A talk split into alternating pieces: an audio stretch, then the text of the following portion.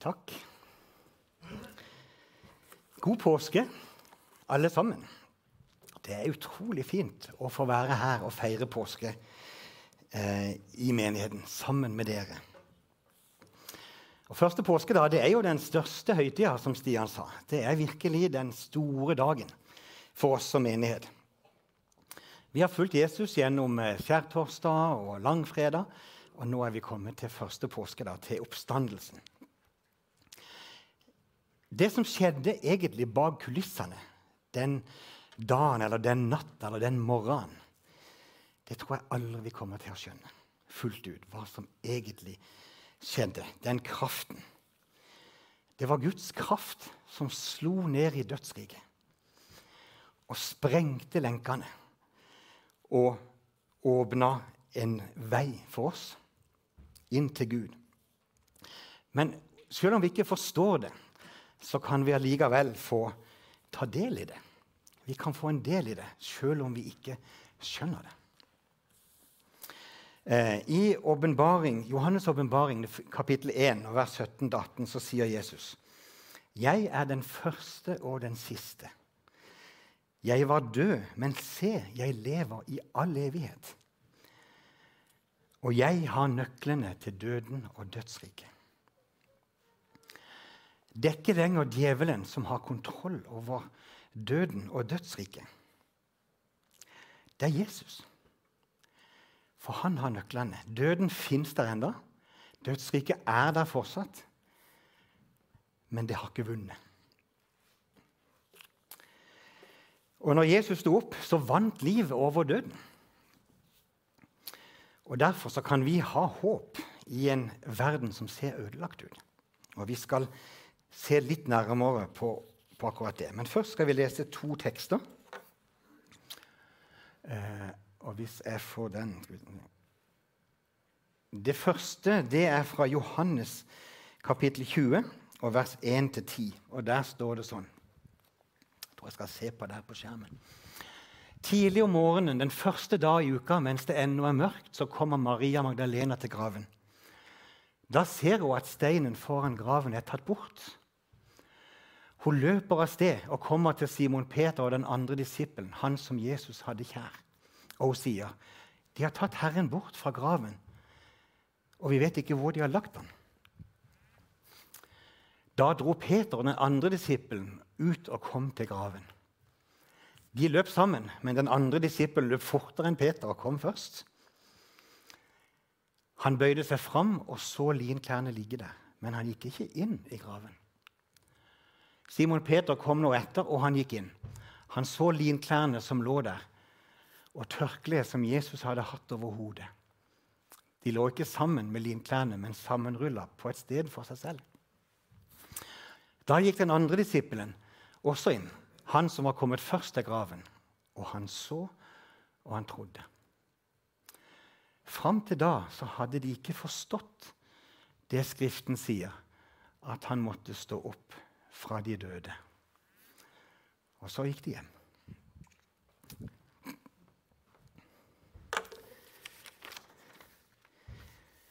Tenk på disse folkene. De hadde levd med Jesus, og de hadde sett alle miraklene hans. Og de hadde begynt å tenke at ja, her har vi Messias. Han som skal redde oss. Men så er det akkurat som om alt faller sammen. Så ble Jesus drept, arrestert og drept. Han hadde sagt det på forhånd, men de hadde ikke skjønt det. De forsto det ikke. Så kommer Maria til grava og får se det som har skjedd, og så løper hun til Peter og Johannes. Og når de kikker inn, så skjønner de, så begynner de å forstå. Og så tror de. Både Peter og Johannes de har skrevet noen brev som står i Bibelen. Peter har skrevet to, første og andre Peters brev, og Johannes har skrevet tre. første, og andre tredje. Og Hvis dere leser disse brevene, så merker dere at de har sett, de har sett Jesus. Der er det noe. Du merker hvordan på en måte Det er en ånd i de brevene som er veldig sterk. Så hvis ikke dere har lest dem, Det er sånne brev som er helt på slutten av Bibelen. så det er mange som aldri kommer til liksom helt ut til dem. Men les dem, for da merker dere det er noe spesielt med disse. Og denne kraften altså De begynner å skjønne hvilken enorm kraft det var. Og så tror jeg de begynte å skjønne at livet kommer aldri til å bli det samme igjen. Og denne kraften, hva var det egentlig som da skjedde? Jo, Paulus skriver noe i Kolossene 2, og det er også en av tekstene for dagen. Og Der står det sånn For i dåpen ble det begravet med ham, og i den ble det også reist opp med ham ved troen på Guds kraft, han som reiste Kristus opp fra de døde. Dere var døde pga. misgjerningene og deres uomskårne kjøtt og blod. Men han gjorde dere levende sammen med Kristus da han tilga oss alle våre misgjerninger. Gjeldsbrevet mot oss slettet han, det som var skrevet med lovbud, og han tok det bort fra oss da han naglet det til korset. Han kledde maktene og åndskreftene nakne og stilte dem fram til spott og spe da han viste seg som seierherre over dem på korset. Ja, det var det. Det var det som skjedde. Akkurat det gjorde Jesus. Hvis vi skal forstå korsets og oppstandelsens betydning sånn som Bibelen ser det, så kan vi illustrere det på en måte sånn som dette. Nå er ikke jeg verdens beste på sånn grafisk design, og sånn, men jeg skal prøve å illustrere. Her nede ser dere en tidslinje. Så det går liksom, Dette er en tidslinje som går fra venstre mot høyre. Og alt det vi leser om i Bibelen før dette, og for så vidt det som har skjedd gjennom historien For Bibelen sier at Gud styrer, altså det er Gud som holder verden i sin hånd. Så alt det spisser seg inn og samler seg i dette øyeblikket her. I korset, Jesus som dør og står opp. Alt går inn mot dette. Og alt går ut ifra dette etterpå. Så Gud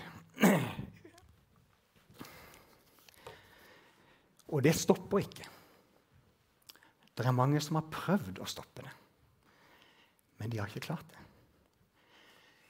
Ut fra dette så går historiens gang. Og Gud styrer det mot et endemål, som er vårt håp der framme. Det er når Herrens herlighet fyller jorden, som vannet fyller havbunnen, som det står. Det er målet. Og fram til det så er det ingen som kan stoppe det. Guds rike, det går fram. Oppstandelsen, det var vendepunktet. Men det var ikke endepunktet. Det slutter ikke der. For oppstandelsen ga oss et håp. Og det har hatt en enorm betydning på oss og på kulturen vår. Vi regner vår tidsregning fra dette. Hele verden gjør det, også de som ikke er kristne. Og eh, Jeg leser ei bok av en som heter Tom Holland, en, eh, en uh, britisk historiker som heter 'Dominion'. 'The Making of the Western Mind'. heter den. Og han er britisk, og han skriver om egentlig hvordan hele vårt tankesett er forma av kristen tro. Det, det gjennomsyrer hele vår kultur. Mye mer enn vi forstår. Så det har hatt en enorm innvirkning på oss, på samfunnet vårt. Men det har også innvirkning i vårt liv.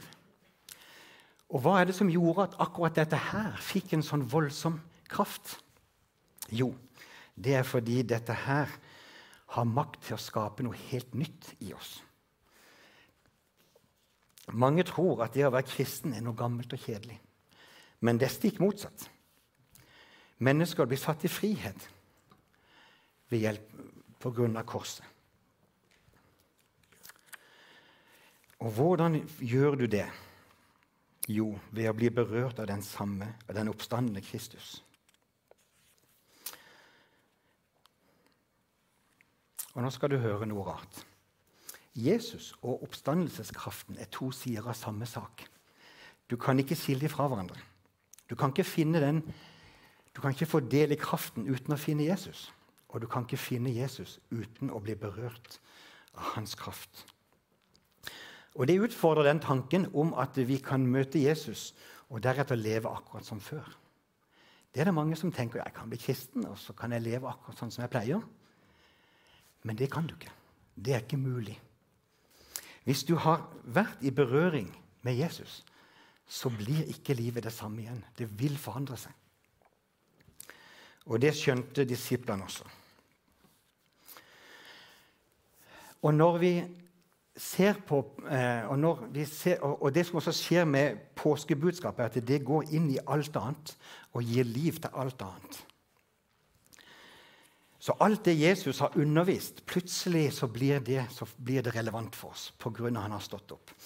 Og vi skal ta et lite eksempel på det. I Johannes evangelium så sier Jesus, 'Jeg er veien, sannheten og livet'. Ingen kommer til Faderen uten ved meg, sier han. Og Hvis vi ser det i lys av oppstandelsen, så blir plutselig dette veldig relevant. La oss ta de. Jesus er veien, sier han. Han har åpna en vei inn til oss, inn til Gud for oss. Og Det betyr at det der er alltid en vei. Jesus han sier det at 'jeg er med deg alle dager inn til verdens ende'. Jeg er veien. Og Det betyr at hvis han alltid er med oss, og han er veien, så er det alltid en vei for oss, uansett hvilken situasjon vi er i. Det betyr det at det, i din situasjon så vil det alltid være ett alternativ som er rett å handle på i Guds øyne. Uansett hvilken du har rota til, om du har rota til livet ditt, eller om du er i en situasjon som virker mørk, så er det fordi Jesus er veien, og han er med deg, og han er den oppstandende. Så vil du alltid være en vei for deg. Han har alltid en vei du kan gå på. Det er ikke sikkert at den veien blir lett. Det er ikke sikkert at den er smertefri. Men den er der. Og pga. oppstandelsen så er det alltid for deg i din situasjon et valg du kan ta som fører deg til Gud. Alltid. Jesus sier at 'jeg er sannheten'. Og det er litt kontroversielt i våre dager. Fordi at det, det ikke, Han sier at det, det fin, eh, 'jeg er sannheten', ja. Det fins en sannhet som er verd å kjempe for. Det fins en sannhet som er verd å leve for. Og sannheten den er under press akkurat nå i våre dager. Husker dere Edens hage? Hva var det slangen sa til Eva? Har Gud virkelig sagt? Eva, Gud kan ikke mene det. Det var ikke, det var ikke sånn det var tenkt. Nei, Gud vet at hvis dere spiser av frukten, så vil dere få øynene åpna. Det sa han. Og Dette er en gammel taktikk som vi kjenner igjen. I våre dager så er sannheten under press. De sier dette. Ja, men kan vi virkelig stole på Gud, da? Er dette virkelig noe som gjelder i dag? Jesus sier, 'Jeg er sannheten'. Ja, det gjelder i dag. En annen taktikk fra djevelens side det er å servere løgner. Ikke for at du skal tro på dem nødvendigvis, men at du skal forvirre deg. I 1951 så var det ei dame som het Hanne Arendt. Hun var jøde, levde i Tyskland, flykta til USA i midt under krigen 1941. Og Så skrev hun ei bok i 1951 hvor hun studerte de to store totalitære ideologiene, altså nazismen og kommunismen. Og så på hvordan, hvordan greide de å forføre et folk så totalt. Og Så har hun et kapittel om propaganda og Der sier hun følgende Hvis alle alltid lyver til deg, er ikke konsekvensene at du tror på løgnene, men at du ikke tror på noen ting lenger. Et folk som ikke lenger kan tro på noe, kan ikke bestemme seg. Og med et slikt folk kan du gjøre hva du vil, sier hun. Og det var det som skjedde, sier hun, som gjorde at et helt folk kunne bli forført. I dag også så er det et press på sannhet. Hva er sannhet? Jesus sier det at 'jeg er veien, sannheten og livet'. Så sier han det at Hvis dere blir i min, mitt ord, da er dere mine disipler, og da skal dere kjenne sannheten. Og sannheten skal gjøre dere fri. Og det er, det er han som kan definere sannheten, og ikke vi. Livet. Det siste. Livet. Vi ser at dødskreftene overalt ser vi i verden i dag. Vi ser krig, vi ser ødeleggelser, og vi ser store endringer som skjer. Med Jesus så vant livet over døden.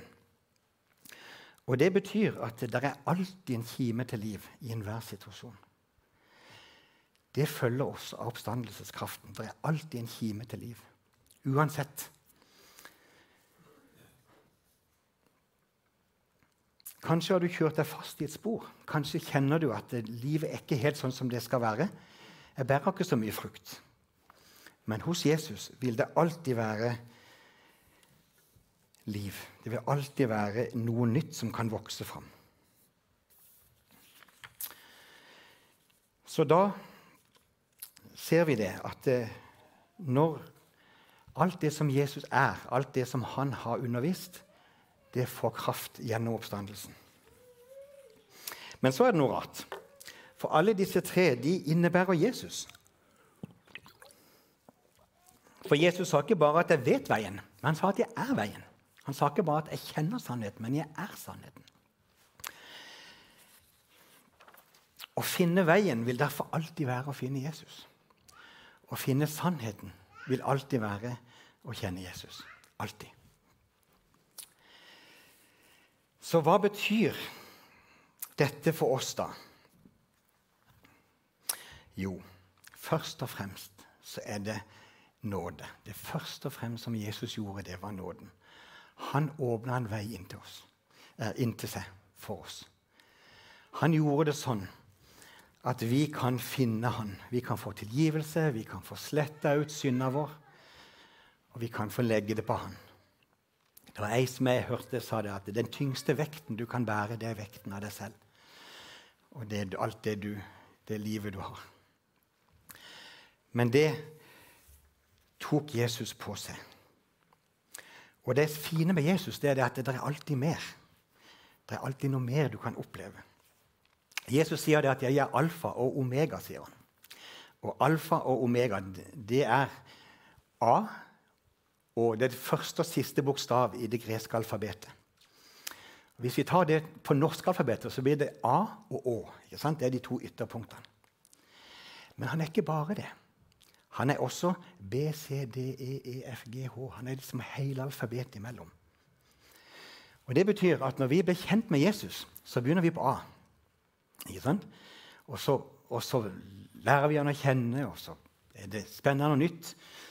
Og så kommer vi til B, vi får oppleve litt mer, og etter hvert sånn, så, så lærer vi litt og litt. Men hva vet du når du er på B?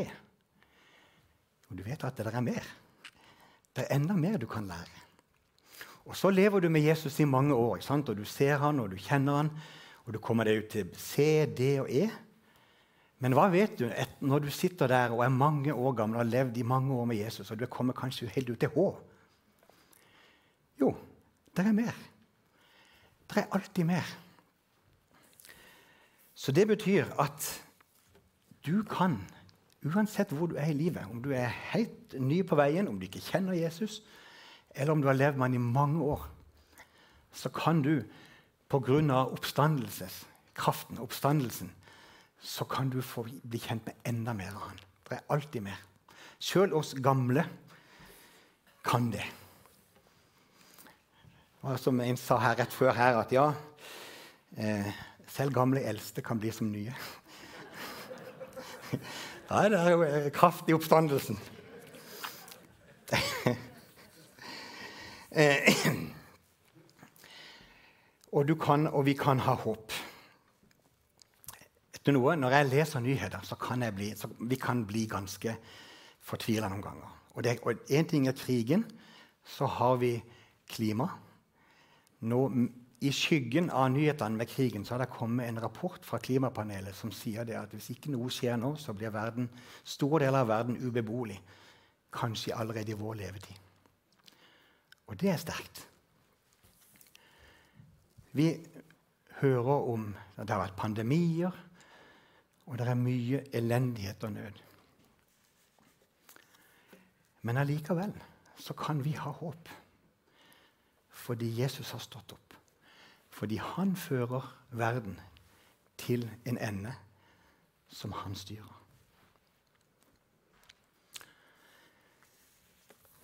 Så hva kan du da gjøre? Jo, du kan søke veien. Du kan søke Guds vilje. Du kan be Han om å vise deg hva som er sant. Du kan be Han om å vise deg hva som er rett i din situasjon. Det betyr å ikke høre på andre stemmer som vil ha oppmerksomhet og forvirre deg, for de er det mange. Men det betyr å holde deg til Jesus. Og du kan gå. Jesus sier det at 'som Faderen har sendt meg, sender jeg dere'. Vi er kalt til å gå den veien. Og vi er kalt til å fortelle sannheten. Vi er kalt til å bringe liv til en døende verden. Intet mindre. Vi er kalt til å gå med evangeliet og fortelle. For verden uten Jesus er faktisk døende. Så sier Jesus i bergprekenen salig er den som skaper fred. For de skal kalles Guds barn. Og det å skape fred Det er forskjell på å bevare fred og skape fred. Å bevare freden, det er å bare passe på at ting er som det er. Men å skape fred, da går du inn på et sted hvor ikke det er fred, og bringer fred. Det gjorde Jesus. Og det er vi kalt det.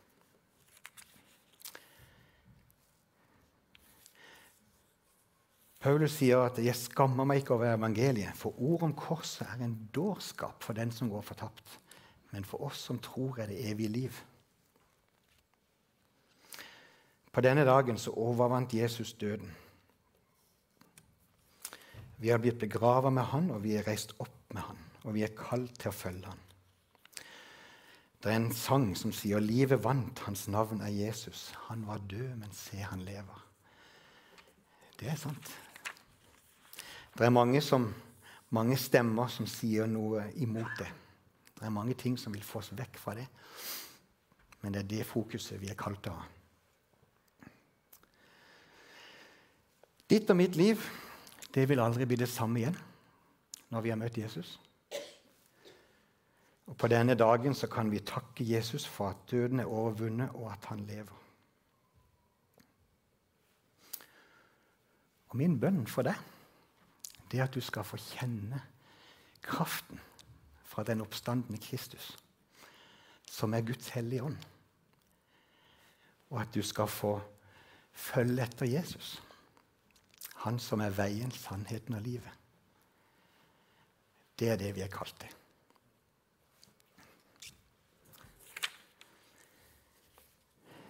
Kjære Jesus, takk for at du ga ditt liv for oss.